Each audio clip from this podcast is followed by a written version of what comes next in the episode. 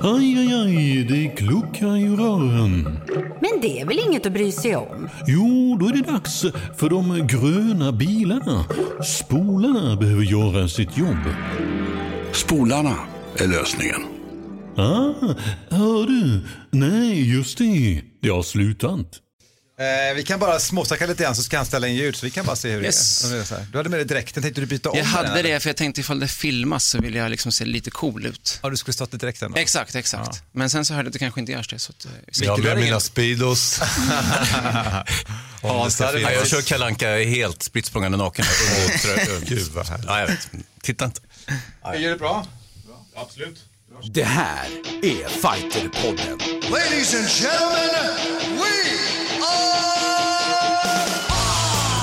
I'm not surprised, motherfuckers.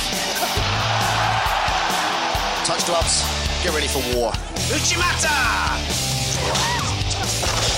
Ladies and gentlemen, the mauler, Alexander Gustafsson. Oh my God. Double leg. He just got double leg.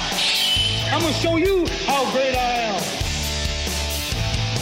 Ja, men det är ju ett sant nöje. Vänta, vad händer Hans? Börjar du med att spilla i knät?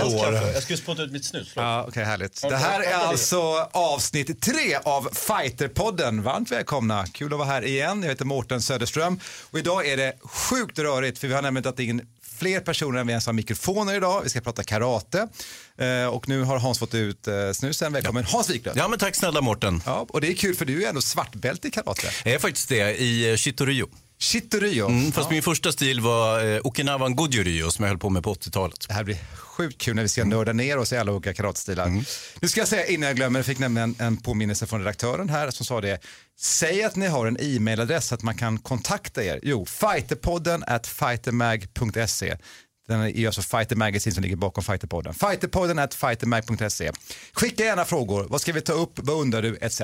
Det är detta. Nu! I, inga hotmail dock, för vi kan karate flera av I, vad sa du? Goju-ryu? Ja, goju-ryu. Okej, jättebra. Nu, på min vänstra sida, i från mitt håll, eh, välkommen säger vi till Lina Våglund. Tack, tack. Och jag ser här att du är svensk mästare i karate flera år i rad. Främst är det fokus på kata. Precis. Eh, jag har ju tränat både kata och kumite sen jag var sex år gammal när jag började för karate. Kata är det jag har mest potential och det jag kan utvecklas mest i så jag valde att köra kata. Härligt, varmt välkommen. Och sen har vi ju Jesse Enkamp här. Yes, that's me. Som så härligt också kallar sig själv för karatenörd. Ja, exakt. The Karate Nerd. That's my thing. Vad var det jag hittade på nätet om dig? Förutom att du då är entreprenör, författare, tycker du om morotskakor så har du också The Seven Day Karate Nerd E-mail Guide. Ja, mycket grejer. Välkommen sen Micke Sprites. Tack. Som eh, förutom att du är faktiskt karateutövare, skådespelare, har varit livvakt, föreläsare. Du är ju Tor i Gladiatorerna. Ja, jag var i alla fall. Ja, det har varit, precis. Och sen, eh, som du ska berätta mer om sen, Fighterhjälpen. Vilket initiativ, jättekul. Och att du har tränat med Benny Jet, det vill jag veta mer om sen. Det ska du få. Kul. Eh, så där är vi då. Vi kommer också ha en liten ny programpunkt idag där vi får lite grann om aktuell kampsport i Sverige där Simon Kölle som är chefredaktör för den digitala versionen av Fighter Man kommer berätta. Men nu tänkte jag vi ska då kasta oss i, in i karate. Karate, tom hand. Det är typ det jag vet. Och lite mer. Och jag tänkte faktiskt börja, eftersom du då i det här fallet får representera old school Micke. Åldermannen. Ja. Du, när började du träna karate och liksom, vilken stil var det? Jag började 79 eller 80, jag kommer inte riktigt ihåg. Och jag tränade vadori på eh, Budokwai heter det. Med Leif Mellgren som var min sensei. Han var vass, kommer jag ihåg. Är det en tävlingsart av karate, vaduri, eller är det Nej, det är en stilart. en stilart? ja? Eh, sen höll jag på där ett tag och sen mötte jag en, en eh, kille som jag började hänga mer och mer med, Thomas Hallman, som blev en karatelegend sen. Och han sa att du ska börja träna hos mig istället på, hos Hiromi Suzuki på eh, Mariatorget. Och då var det Okinawa Goju så det var där jag höll på mest. Då. Du är ju inte så kort, du är ganska stor. Ja. Har det varit en fördel? Ja, jag var ju så här lång när jag gick i minus 80 så då var det ju bra. Det var ju ofta var de med små kubiker så man kunde ju stå nästan i andra sidan hallen och träffa. så, det var ju bra. Ja. Men, eh, ja, nej men det, det var positivt. Hur var du på katan? Eh, jag la inte så mycket fokus på det. Nej. det blev, nej. Ofta tror man ju det eftersom jag är väldigt traditionell. I mitt... Ja, men det är det ju. Och har, har en väldigt gracil stil också. Ja, väldigt, väldigt. Nej, det var, det var inte min grej riktigt. Jag började med karate för att lära mig att slåss. Så var det kanske på 80-talet? Ja, eller 70. 70-talet. Ja, men 79 var det ju. Ja. Ja. Men, och vad, vad, men sen tog det här dig till slut till USA bland annat? Ja, det var efter EM 91. Och för, och när du tävlade då, för det gick ganska bra för dig, eller hur? I EM nej, där gick det åt Ja, det, helvete. Okej, det var dåligt där. Vad hände? Nej, jag fick stryk. Ja, ja. Men det var i committee då? Var, Ja, committee, var det ja. full kontakt då eller var det mark- Nej, det är vanliga. Då hette det VUC och nu heter det något annat. Vad heter det då? VKF. F, VKF heter det. Nej, jag, jag sög tycker jag. Jag var supersämst. Och så kom jag hem, men jag var, ju, jag var ju lite stökig då så att det var inte läge att vara kvar i Sverige. Så då drog jag till USA och så eh, ville jag börja träna och jag bodde i Los Angeles och så åkte jag upp till Ben Urquides. Han hade ett gym som låg en bit därifrån. Jag tittar lite grann på Jesse här och på Lina. Vet ni vem Benny the Jet är? Benny the Jet, yes, kickboxningsvärldsmästare. När det hette fullkontakt karate då. Lina har ingen aning, du skakar på Jag har huvudet. ingen aning. Jag läste alla gamla fighter mags jag kan. Kolla, kolla någon gång, googla på honom, det är, det är sinnessjukt. Han sa jag möter vem som helst, var som helst. Fast han vägrar att, att tävla i kortbrallor. Jag vet faktiskt inte varför han hade fula ben. Han hade inte lika långa ben som mig, men Nej. Han hade ju rätt köttiga lika lår. Alltså. slanka ben som mig. Ja. Nej, men så var jag där och tränade ganska mycket och då åkte båge och tränade karate. Hur länge då? Ett och ett halvt år drygt. Men det här var på 80-talet. Nej, det var 91. Ja, det var det. Ja. Men alltså, om man får dra en referens till eh, de tidiga åren, så här 70-80-talet, det var ju, karate det fanns ju inget tuffare så att säga, eller hur? På den tiden, det var Nej, ju svart det var- bälte i karate, det, det räckte med att Ja, du då hade kunde det. man gå på vatten nästan. Ja. Och jag hade nog kompisar som började träna kung fu och då hade ju de, de hade ju inga bälten, de fick ju byta märken på sina jackor. Det var så lökigt tyckte jag. Så då, då började jag med karate istället och, och tyckte att det var, ju, det var mycket coolare. Och sen kom jag in i landslaget ganska omgående efter att jag eh, började träna hos Hiromi där. Och sen jag och, och Thomas Hallman, då, min, min vän där, vi reste runt, tävla. Det var eh, en ball tid. Jesse, karatenörden. Yes. Japp. Jag har följt lite grann dina YouTube-klipp och sådana grejer. Okej. Ja, men du är ju den, om man jämför den här historien nu, om man- Mickes, med din, Mm. Yes. du är verkligen den nutida karateutövaren. Ja, ja, det skulle väl vara bra med vara. Men jag gillar att faktiskt att, eh, så att säga, hämta från det gamla eh, för att på något sätt eh, hitta det optimala i det nya. Inte bara det nya. Får jag, får jag spela upp en grej här? Lyssna på det här. Karate sucks. Karate is boring. Karate would never work on the street. These are just a few of the things you will hear when you tell people you practice karate.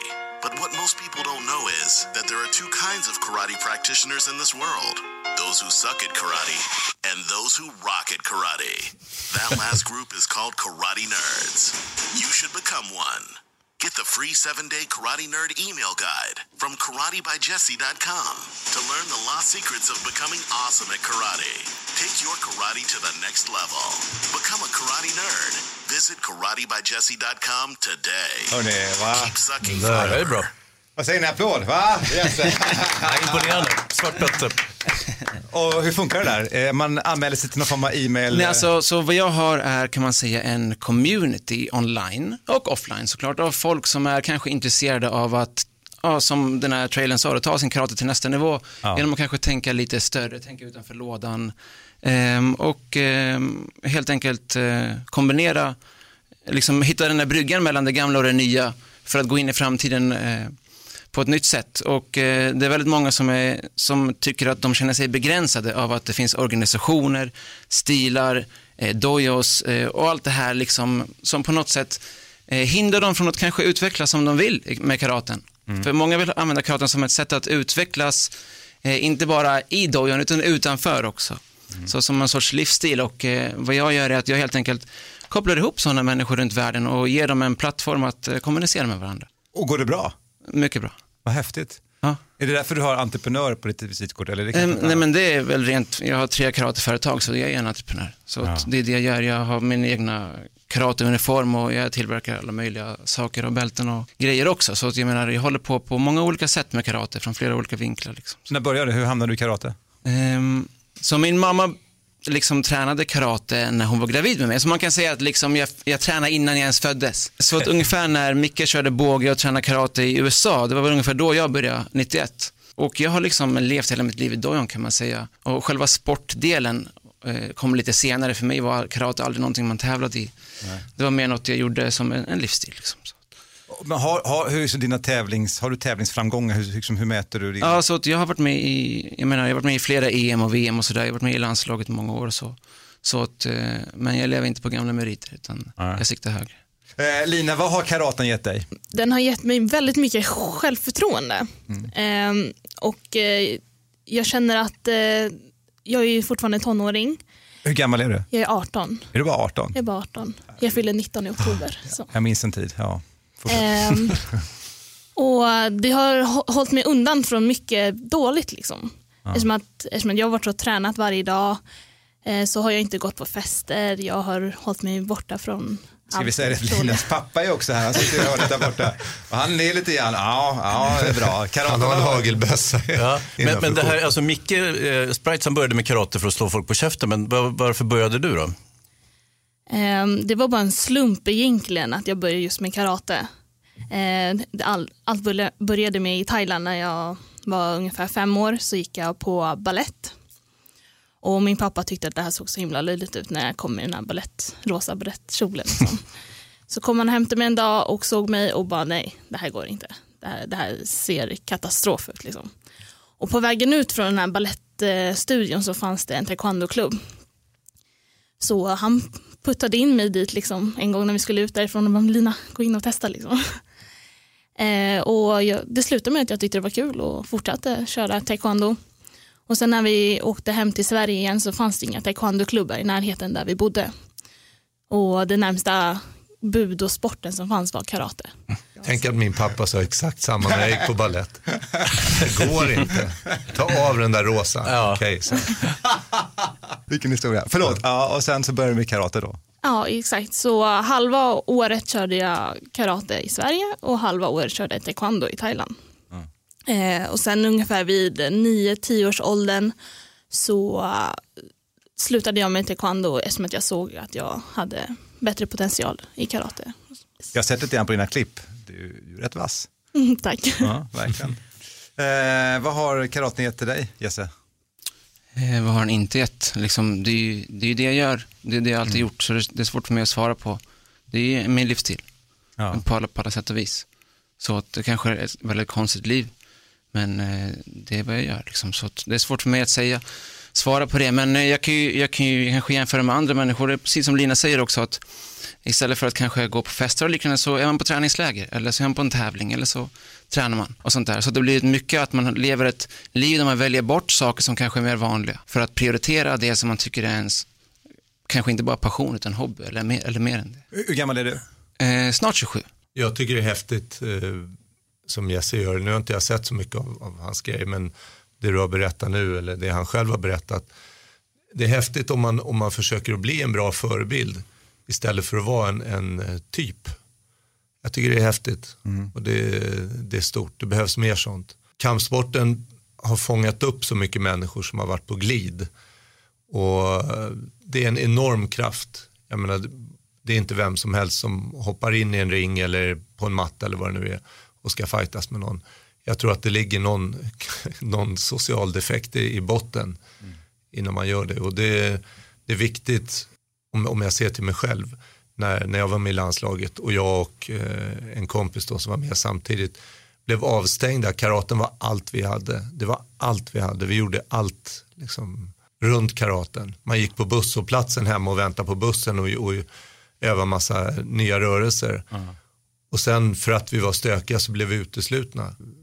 Jag ser ju en skillnad nu om man, jag tränar på Allstar och där är ju många Alex Gustafsson och Illir och Resa och många sådana här, hur de har en mera välkomnande och vårdande eh, inställning än vad karaten hade. Karaten har varit magisk för mig, verkligen, och gett mig fantastiskt mycket. Men hade de varit lite mer inkluderande än vad de var just i, i vårat fall då, så, så hade det kunnat sluta på ett, ett bättre sätt. Man hade kunnat spart lite tid om man säger. som du säger, jag tycker att det är du i det här fallet då, mycket som skulle ha behövt karaten mest. Inte de som kanske hade mer talang. Eller de som kanske var bättre Jag på... hade talang också. jag Definitivt, men sen finns det den mentala biten också. Ja, absolut. men, nej, men så att, och det är ofta de som kommer in på träningen som, som kanske inte riktigt vet höger och vänster, upp och ner, som skriker och springer. Det är de som sen liksom blir de bästa svartbältarna som är lojala, som stannar kvar, för de har alltid fått kämpa. Men det, det är viktigt att vara inkluderande för när jag kom, eh, när jag kom tillbaka, eller tillbaka, men när jag var på Kampsportsgalan en gång och skulle dela ut något pris där, då såg jag ett, ett gäng gubbar som satt på första eh, parkett och var så extra glada när jag berättade att jag var från karaten då och satt och nickade lite igenkännande. Och då efteråt så kom de fram, ja du är karatekille, va? jag visste väl det och då var det gamla förbundsgubbar mm det var liksom målfoto på att, att man hade kunnat dra iväg då en Tack för senast när du sparkade ut mig i förbundet din, din hund. Men nu passar det. Nu passar det att komma. Och det är för mig så, det går åt rätt håll. Om jag, jag har, det enda jag kan jämföra med är Allstar. Men hur, om man tar då som resa till exempel. Som gjorde en idiotisk grej och han är medveten om det själv också.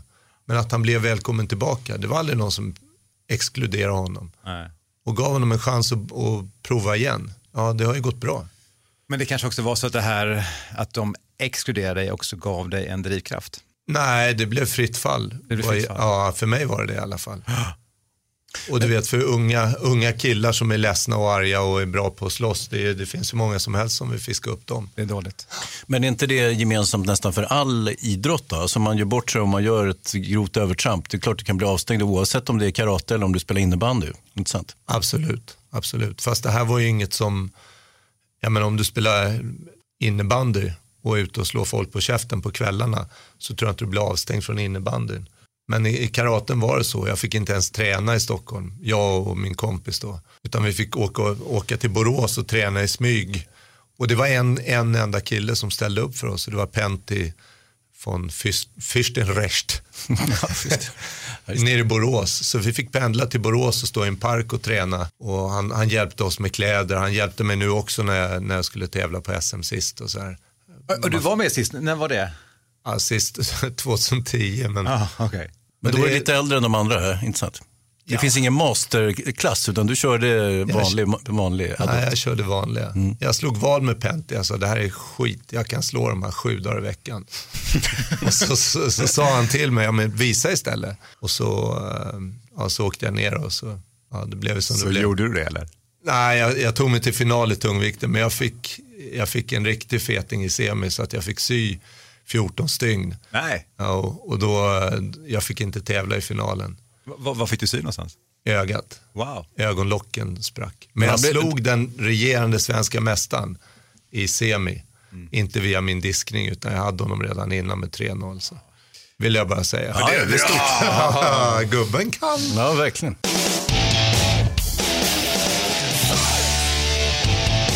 Då har vi en ny programpunkt i Fighterpodden. Det är Simon Kölle som då är chefredaktör för den digitala versionen av Fighter Mag. Exakt. Välkommen. Tackar. Ja, men eh, vad skulle du vilja ta upp? Shoot. Ja, nej, men om man tittar tillbaka lite så thai-boxnings-VM skulle jag vilja ta upp.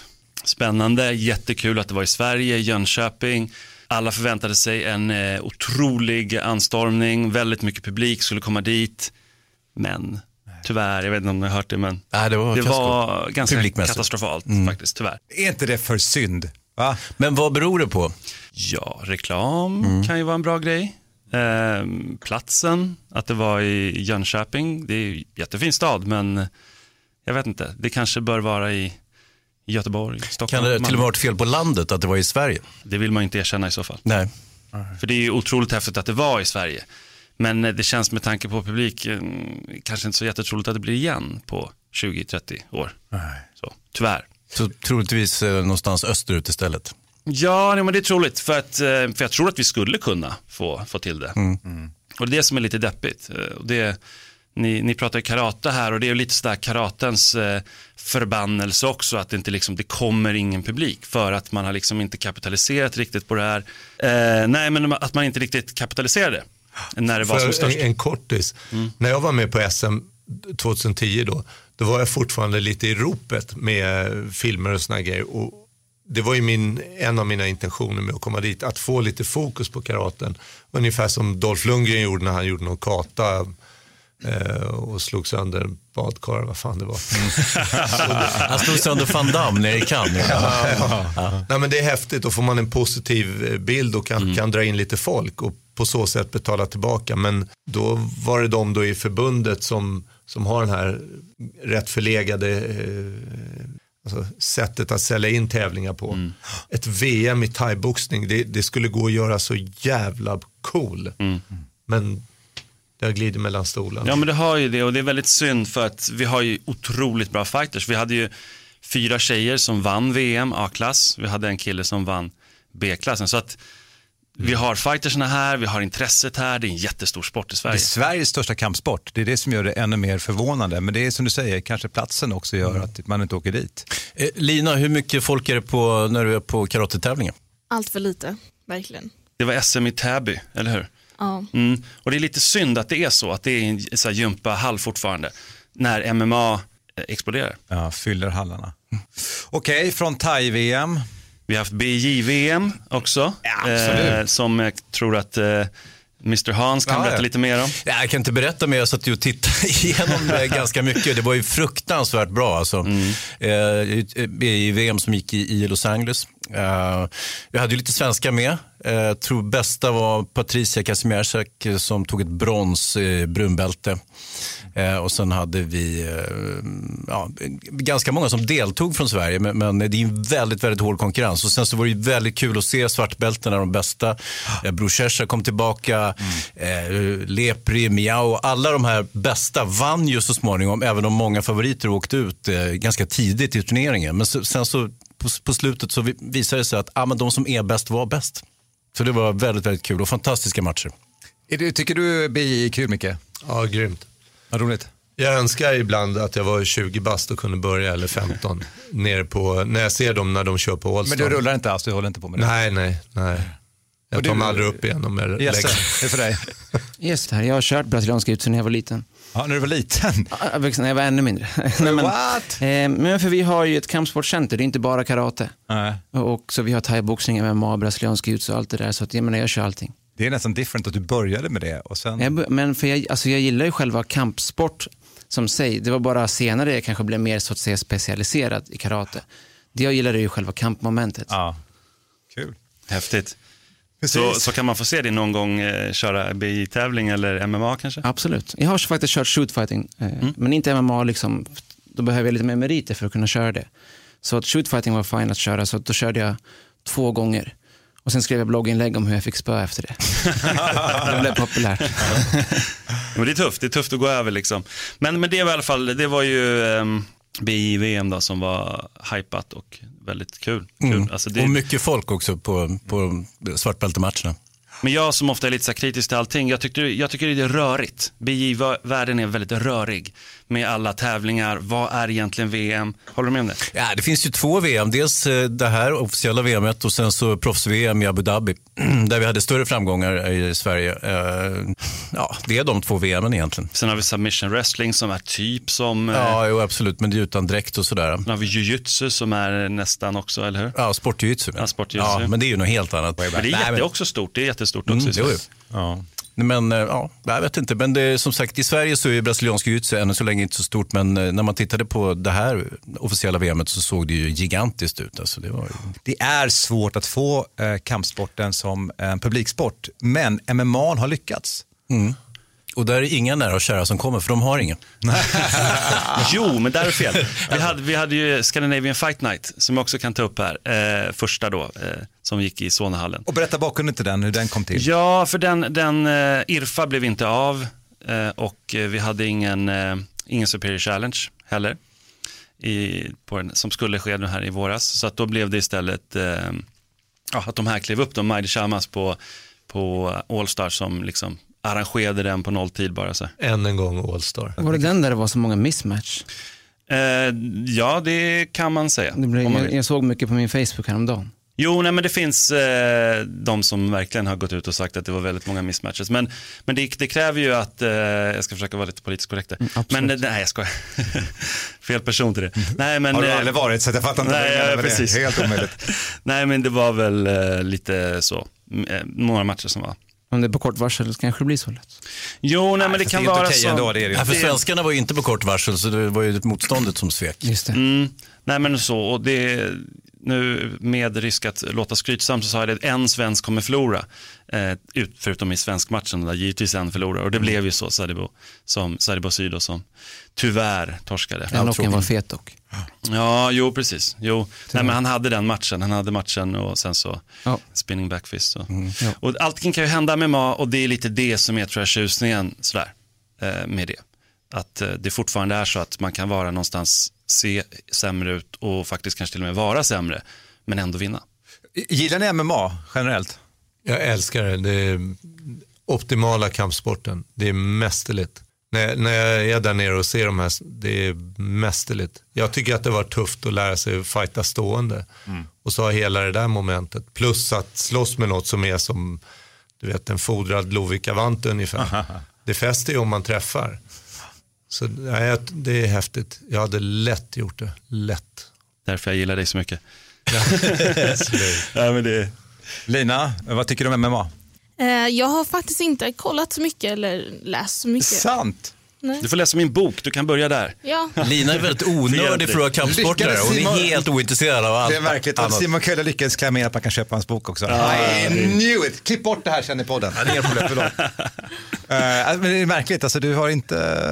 Har du, är, du, är du ren, eller pappa sitter ju här som sagt, vi sa det förut. Är- Har du varit renlärd i karate eller eh, taekwondo, karate? Du har inte liksom hamnat Alltså i- jag har, det enda jag har kört är liksom karate och taekwondo. Så senaste tiden har det bara varit karate. Jag har fokuserat verkligen bara på karate. Eh, och nu när man är med i landslaget så är det bara fokus på kata. Och, så det har inte blivit så mycket annat. Jesse, vad känner du för eh, MMA? Ja, definitivt. Min eh, lillebror är faktiskt professionell fighter. Så att Det stämmer jag, ju. Ja, men du vet ju enkamp efter Han heter Oliver, precis. Så Otroligt bra fighter om det finns också. någon som kan ge honom en match så ring för han letar. Okej, han har gjort det typ ett halvår i alla fall. Eh, nej, men jag är med väldigt mycket, liksom, eh, vad ska man säga, trots att jag inte kanske alltid vill. Eh, det blir mycket diskussioner och snack och träning. Teknikträning liksom dygnet runt i princip.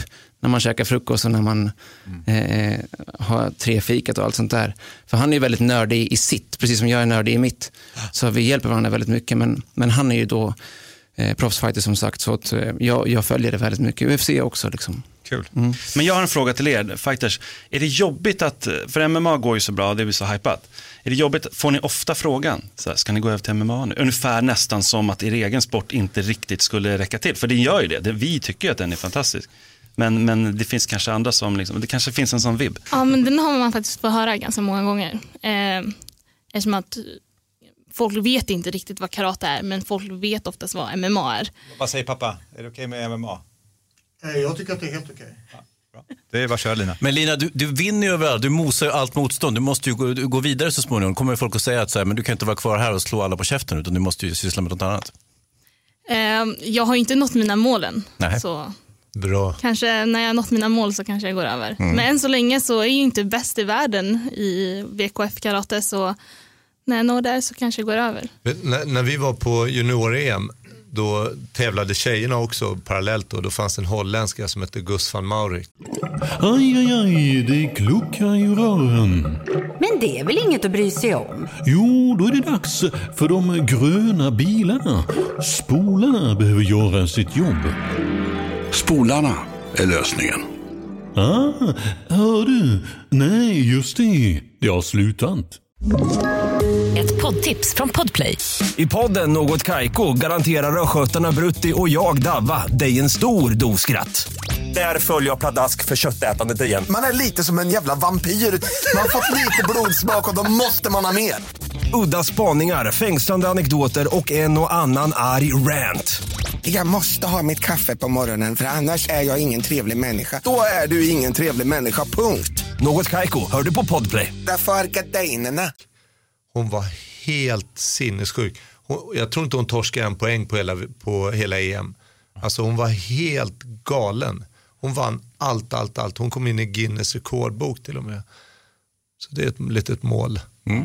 Det har du nå- någonting att sikta på. Känn Alltså, ingen, känn känn ingen ingen press. press. och du får inte ducka, det funkar inte Jesse, Du får- apropå MMA. Eh, har du funderat på att gå över? Vad heter det? Nej men som sagt, jag har faktiskt kört lite shootfighting och sådär och jag är med och tränar då och då. Eh, Så jag ser inte karate och MMA som två vitt skilda saker. Från början var det bara att du ska kunna försvara dig själv. Och sen så det enda som i, i mitt, från min synvinkel skiljer dem är regelverket.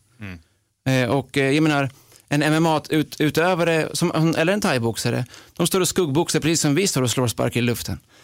Eh, Och sen så kör man mot varandra, precis som vi gör.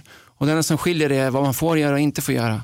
Och där, där, ute, där, där, därför så såklart skiljer sig träningen också eftersom vi har olika mål. Såklart. Men i grund och botten så är det liksom eh, den mänskliga anatomin och dess svagheter och styrkor som styr kampen hela tiden. Så att, Men, men kommer du gå över till MMA? Det var det jag frågade. Det var ett filosofiskt svar på den mitt frågan. svar är att jag kör MMA. Ja, Jag tävlar bara inte i det. Nej, och du, men du har ju inte så mycket kanske på backen än. Men du har tanken, Nej. fighting-känslan. Exakt. Och, och så, jag har kört BJ så att jag kan lite på marken också. Men, men lite. Men kolla på Mashida. Ja, men, Exakt. När han jo, kom jag in. skulle säga det. Det, det var ju Alltså- spännande där att, eh, för, för karate fick ju lite skit för första gången eh, när MMA liksom var på väg att växa fram. Och så kom Mashida och Mm. Så visade kom liksom att och, och sån kan riktig få- klassisk stil. Han stod och drog en, en jack rätt i nyllet på dem. Och med de där korta, eller vad är korta handskarna, de där tunna handskarna. Som sagt, det När du säger fäster. jack, då menar du en så? Ja, exakt. fast den är, vad Sorry. Karateslang. Intern term. Från 70-talet. Ja, och nu kan man ju också se att alldeles, det är fler och fler som liksom kommer från karate, kommer från kickboxning. Såg Ja. Jyckens sista match. Såg du? In ut, in Ja, just ut, det. in Mm. Alltså mästerlig. Jag har aldrig sett honom så bra. Han var så fruktansvärt bra. Och så lång mawashi i huvudet på Ja. slutet. Oj, vad härligt. Så här var det Simon, att du skulle få fem minuter sa jag. Aha. visste att det skulle bli så här. Vänta lite. Nej, det är mer. Det är mer. Det har hänt väldigt mycket senaste tiden. Ja, Eh, jag ta, det, det, en av de två viktigaste sakerna då, The Ali Act. Alltså att Muhammad Ali tyvärr gick ju bort som vi alla vet. Och eh, den här The Ali Act, jag vet inte om ni känner till den någonting. Berätta. Ehm, en lag som kom till i början av 2000-talet i, i boxning, för boxning var väldigt korrupt. Det var väldigt svårt, apropå det här om BJ, är svårt att veta vilka tävlingar som är viktiga och så, så är boxningsbältena ännu svårare att veta. Ha, de, och de får inte möta varandra. 2008 prövade man att få in det här i MMA, men UFC satte liksom, var väldigt tydliga emot det. Med tanke på att, ja, olika saker. Men eh, nu har det liksom kommit tillbaka. Så att, men nu är det ännu starkare. Nu är det en eh, hög, högt uppsatt politiker i USA, en entreprenör och en tidigare fighter på hög nivå som jobbar för och det skulle då innebära att Bellator-mästare skulle behöva möta UFC-mästare. UFC skulle inte kunna säga någonting. Det skulle kunna vara en Superior Challenge-mästare som får möta en UFC-mästare till exempel. Eh, det skulle ju vända allting helt upp och ner i hela världen och det är de som är mest emot det här i UFC. Men till Så vilken nu- nytta? Ja, vad är nyttan med det? för att eh, vi hade till exempel en eh, fighter Fedor, som de flesta känner till, Fedor Emelian- Emelianenko, som aldrig fick möta dem i UFC, men som var bäst i hela världen i tungvikt. Och då kan man ju säga att ska det inte finnas ett bälte som faktiskt eh, den bästa har. Fast, fast han är väl ett undantag. Egentligen om man tittar på UFC så är de bästa fightersna i UFC känns det ju som. Alltså, intressant. Honom, honom undantaget. Ja, Det finns, ja, men jag tog upp honom för han är det mest tydliga exemplet, Mm. men det finns andra, andra exempel. Fast det kom väl från boxningen? Säger, Ja. så- eh, ja. Det var där det var, för att det var så himla många olika bälten. Ja, spret, spreta iväg. Men eh, UFC gjorde ju, har ju varit smarta eftersom de har köpt upp alla mindre ligor sådär, så att, och, blivit liksom som ett NHL. Eller, ja. Men de är inte ett NHL. Nej, det är sant. Och det, det här då, den här skulle också kunna, den här lagen skulle innebära att de också skulle bli tvungna att bli det mycket mer. Mm, Det skulle vara mycket mer insyn, det skulle finnas ett fack. Alltså det, Jag älskar det är på Dana många- White, det är precis det Dana White vill ha. Det är Han hatar det här. Ja, alltså, det- de det satsar enorma pengar just Ja. nu på det. Ja, vi, vi får se. Så att det, är ju, det tycker jag är spännande. Ja, Sen har vi den, den andra stora grejen just nu, det är att de här förhatliga viktnedgångarna inför matcherna, att de ska nu äntligen ta tag i det i UFC. Att eh, det är invägning en vecka innan. Det och med UFC otroligt 200. bra. Det är det mest osunda i hela den sporten tycker jag. Det Ja, i bantningen. Latifi när han skulle gå ner, det är fantastiskt att han gjorde det, men i, i Globen där, jag vet inte om ni kommer ihåg det, Jo, jo, jo. otroligt många kilon på några få dagar. Det sjukaste är att de går upp de här kilona i stort sett på ett dygn. Alltså du kan möta personer 24 timmar innan och sen är det 9 kilo till dagen efter. Alltså hur sunt är det? Det är en 18 kilos band. Det enda som är kul är att de blir väldigt irriterade på invägningen eftersom de inte äter någonting. Och relativt frånvarande måste man ändå säga också. Ja, jo. Nej, men man väger in då en, en eh, vecka innan och då ska man vara 8% ifrån. Det är så. så att, ehm, och sen följer man upp under hela veckan varje dag att, man inte, att fighten då är, inte är uttorkad. Så att, eh, Men om, om man då, det, det snurrar lite i huvudet. Om Bellators tungviktare skulle möta UFCs tungviktare, alltså världsmästare då, och vinna. Då skulle UFC-bältet vara i Bellator.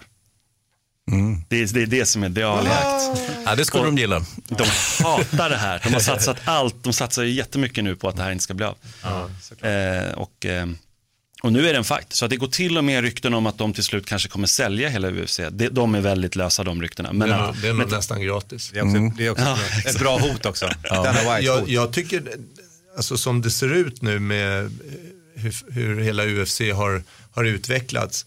Som man såg i början när Tank Abbott, eh, Tank Abbott dundrade in med klotrund liksom än något annat och Min bara idol. körde tills det... Vad sa du? Min idol. Ja, Tank Abbott, ja, just det. Han kunde ju köra. Var inte hans stil typ bar jutsu eller någonting sånt där? ja, det var bar. Det var ju en riktig hillbilly. Han labelade sig i alla fall som det. Han är, var ju en brottare i grunden egentligen. Som var ganska duktig brottare också en gång i tiden. Men han ville ju inte gå ut med det. Det har kommit långt efteråt att han faktiskt var det. Men det är häftigt när man, om man ser hur, hur de fightades då. Det var riktigt som, ja, som Ja, ett, slagsmål. ett slagsmål Ja, i ja. korvkön. Precis. Och, och istället nu så när man ser som Manges sista match, han var helt genialisk. Alltså jag blev ju lyrisk när jag såg honom. Jag tycker det var mästerligt. Så jävla lugn och planerad och genomtänkt. Vi pratar om Magnus Jycken Sedenblad om vi nu ska förtydliga Yes. här. Exakt. I Rotterdam. Exakt. Ja, nej, fantastiskt. Vi har riktigt bra svenska fighters. Allmän, Ja. alltså, Ili, hans sista framfart Får, här. får jag sista med mitt sociala tjat där, men när jag jobbar med, med killar då som har haft lite trubbel och sådär, så har jag tagit ner dem till, eh, till Allstar och tränat. Och det är häftigt för att de kommer dit med en, en sån här känsla av att åh helvete, tänk om Alex är här, tänk om Illy är här, Ja. tänk om Reza är här. Och så möter de dem, får en kram, ett klapp på axeln, fan vad bra, du har kört bra idag. Hur mycket det är värt och vad, att det finns kvar den känslan. Tror du att de kommer tillbaka? Ja. Ja, det finns ju en möjlighet. ja, det är häftigt och det är otroligt viktigt att spara det där.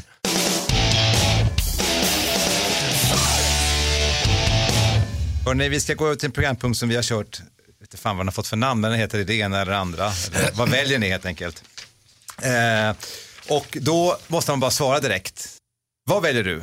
Sparring eller kata? Sparring. Båda. Men det ena eller andra? Jag, jag följer inte reglerna. Båda. Okej. finns inga regler. Okej. Då bara för att underhålla Hasse så säger jag kort. Ja, det är bra. Japan eller Sverige?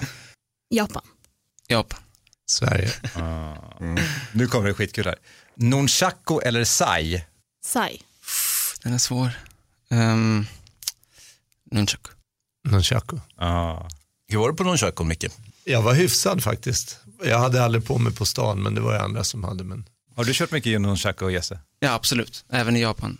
Så eh, jag flyttade dit eh, efter gymnasiet och bodde där och tränade i en dojo där den högst graderade då i Okinawa, i alltså karatens födelseplats. Det här är hans specialvapen, nunchaku. Ah. Så jag tränade i hans dojo. Och vem hette, vad hette den? Han nästa? heter Nakamoto Masahiro. Så att eh, jag har tränat väldigt mycket med det, därför valde jag det. Och Lina då? Valet, eller skälet till att jag inte tog Nunchaku är för att första gången jag tog tag i den så slog jag mig i huvudet världens blod. Så. Det är det normala, att man slår sig själv. Ja. Sant, det ser ju verkligen Det ut som många sådana filmer. Ja. Okej, här kommer den här då. Chuck Norris eller Lyoto Machida? Chuck Norris alla dagar i veckan. Chuck. Lyoto Machida. Mästerlig, mästerlig. Ja. Eh, och så en följdfråga på den här. Hur många armhävningar gör Chuck Norris? Alla.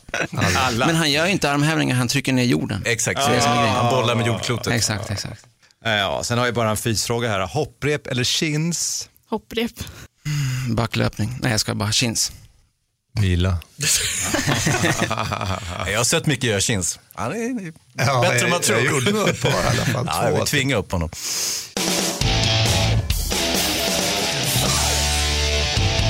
Jag var lite nyfiken när du pratade om Japan där Jesse. Eh, har du tränat i Japan? Nej, ja, Tyvärr. nej. nej, inte gjort. Och du Micke, har du varit i Japan? Nej, jag har aldrig varit där. Tyvärr. Verkligen tyvärr. Hur länge var du i Japan? Eh, jag sammanlagt har jag varit där eh, över ett tusen gånger i alla fall. Och det är för att jag började träna när jag var så liten, så liksom, ingen åker dit själv när man är sju, men eftersom mina föräldrar åkte dit så var jag med. Liksom. Men har du haft karate i familjen, pappa eller mamma? Exakt, så det är ett kampsportcenter som vi- jag driver med min familj. Mm. Och det är därför jag börjar med det här. Liksom. Eh, men så att, eh, det längsta jag varit där i ett svep är sex månader. Oftast är jag där en eller två månader. Och då är det ju på Okinawa då? Exakt, eller? exakt. Och det är ju egentligen inte så japanskt. Det är ju kanske, ska man säga, en blandning mellan kinesiskt och japanskt. De, de är väldigt stolta över sin egna kultur, de har sitt egna språk som tyvärr håller på att glömmas bort. Och eh, arkitektur och kultur och, och allt sånt här är väldigt unikt för dem. Vilket karaten också då är, eller var från början. Hur är din japanska? Jag hörde att du hade ett fint uttal i alla fall på namn och sådär. Eh, men jag är bra på uttal, men eh, jag, jag kanske har glömt eh, mycket av orden. Och hur länge var man där i sträck och tränade? Eh, så det längsta jag var där var då, jag pluggade på universitetet där. Eh, Okinawa University heter det, Okidai kallas det. Och då pluggade jag japansk språk och, och kultur och så. Eh, det var bara ett halvår för att sen blev jag less på det och kom tillbaka till Sverige. Ja, vilken häftig resa. Och den här mästaren då, hur, hur var han? Levde han som han lärde tyckte du? Ja, de lever väldigt mycket som de lär för att eh, för dem är ju karate verkligen inte en sport. Och att tävla i, i karate för dem är helt befängt. Liksom, eh, det, det är någonting Hur, hur uttrycker de det till dig, att det där är befängt? att det, det, är in, ja, alltså, det är inte en kampsport, det är en kampkonst. Och, och sporten går ut på att du övervinner en motståndare framför dig för att ta medalj. Eller hur? Men konsten är att du ska övervinna dig själv. Och du får ingen medalj. Du utvecklas som människa istället. Så det är skillnaden. Och det är så de lever det. Och det är en del av deras kulturella identitet. Eh, där. De håller just nu på att bygga faktiskt ett väldigt stort träningscenter. För nu har då politikerna i Okinawa kommit fram till att det kommer turister dit för att träna. Och det gör det hela tiden. Så nu bygger de världens fetaste träningscenter där för att tjäna lite cash på alla eh, amerikaner som kommer dit. Eh, och det är verkligen karatens mecka. Liksom. Och, och du som en gaijin, Mm, ja, är det så att de ändå tryckte ner lite grann i början och sen så? Det finns det här uh, ordspråket i japanska att om en nål sticker upp då blir den nedbankad. Så att man ska inte sticka ut där. Man ska vara exakt likadan som alla andra. Så att kommer man liksom med min hårfrisyr och sticker upp över alla andra, liksom, då, då är man lite ovanlig. Eh, men de tycker bara det är coolt. Alltså, de är liksom moderniserade ändå. Så allt från Amerika och väst och sådär är jag skithäftigt tycker jag. Om man kollar på karatens historia så spreds ju karaten från Okinawa till fastlandet i Japan.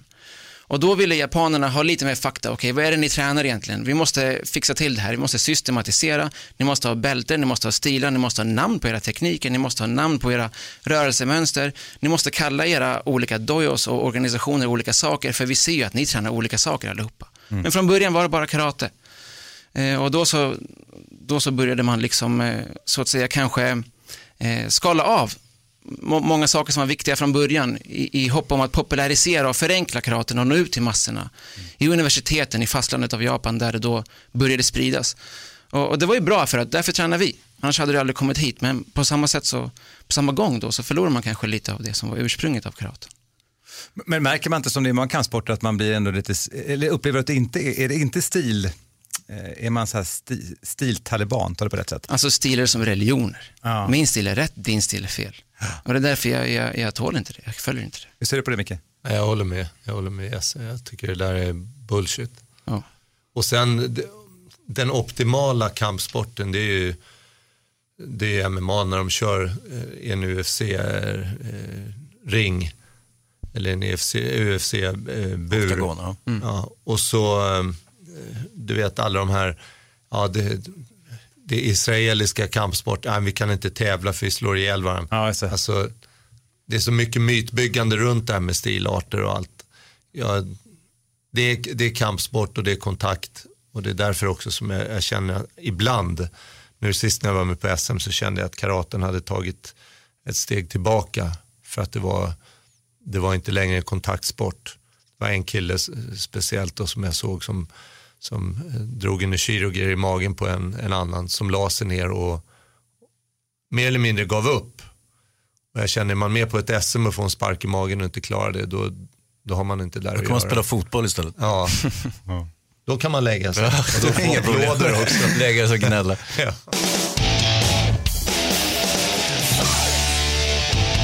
Innan vi knyter ihop nu. Micke, fighterhjälpen. Hur kom du på det där? För det känns som att du är initiativtagare till det. Ja, så är det. Eh, det var faktiskt när jag jobbade med Hasse med Gladiatorerna som en av killarna, eh, Hero, den arenans gigant. Era, arenans härskare? Ah, arenans Ja. härskare. Till skillnad från Det var jag- Tor. Det var jag som var giganten. Ja, det var du som var giganten. Ja. Eh, han hade något som heter Muskelhjälpen och jag skickade en hundring dit och tänkte att fan vad coolt att han har gjort det här.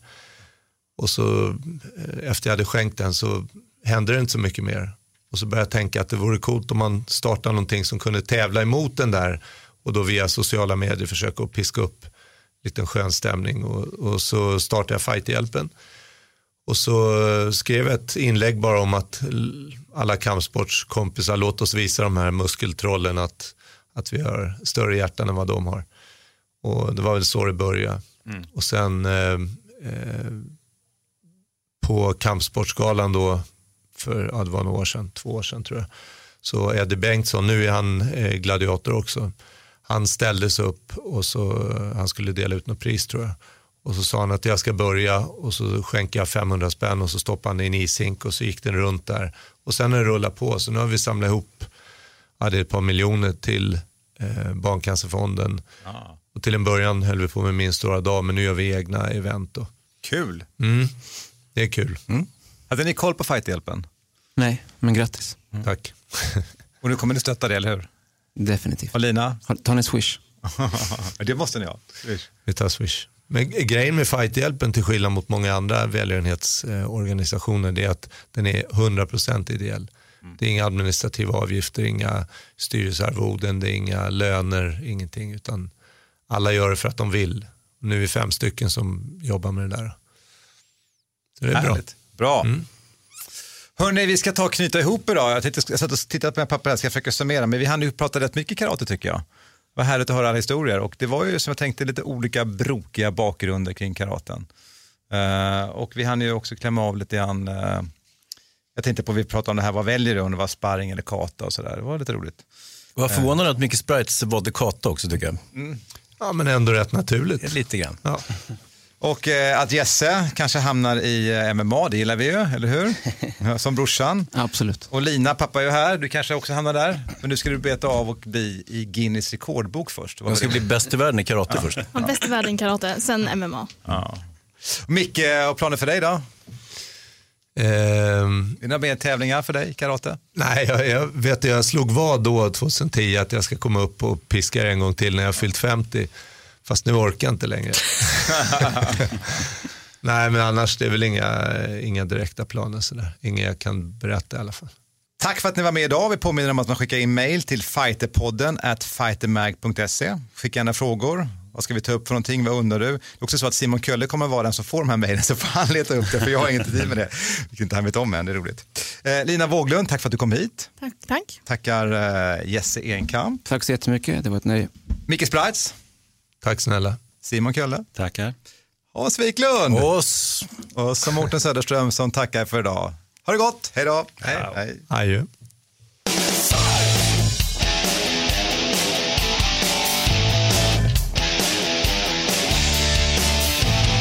Fighterpodden produceras av Suba Media för Radio Play och Fighter Magazine. Aj, aj, aj, det kluckar i rören. Men det är väl inget att bry sig om? Jo, då är det dags för de gröna bilarna. Spolarna behöver göra sitt jobb. Spolarna är lösningen. Ah, hör du? Nej, just det. Det har slutat.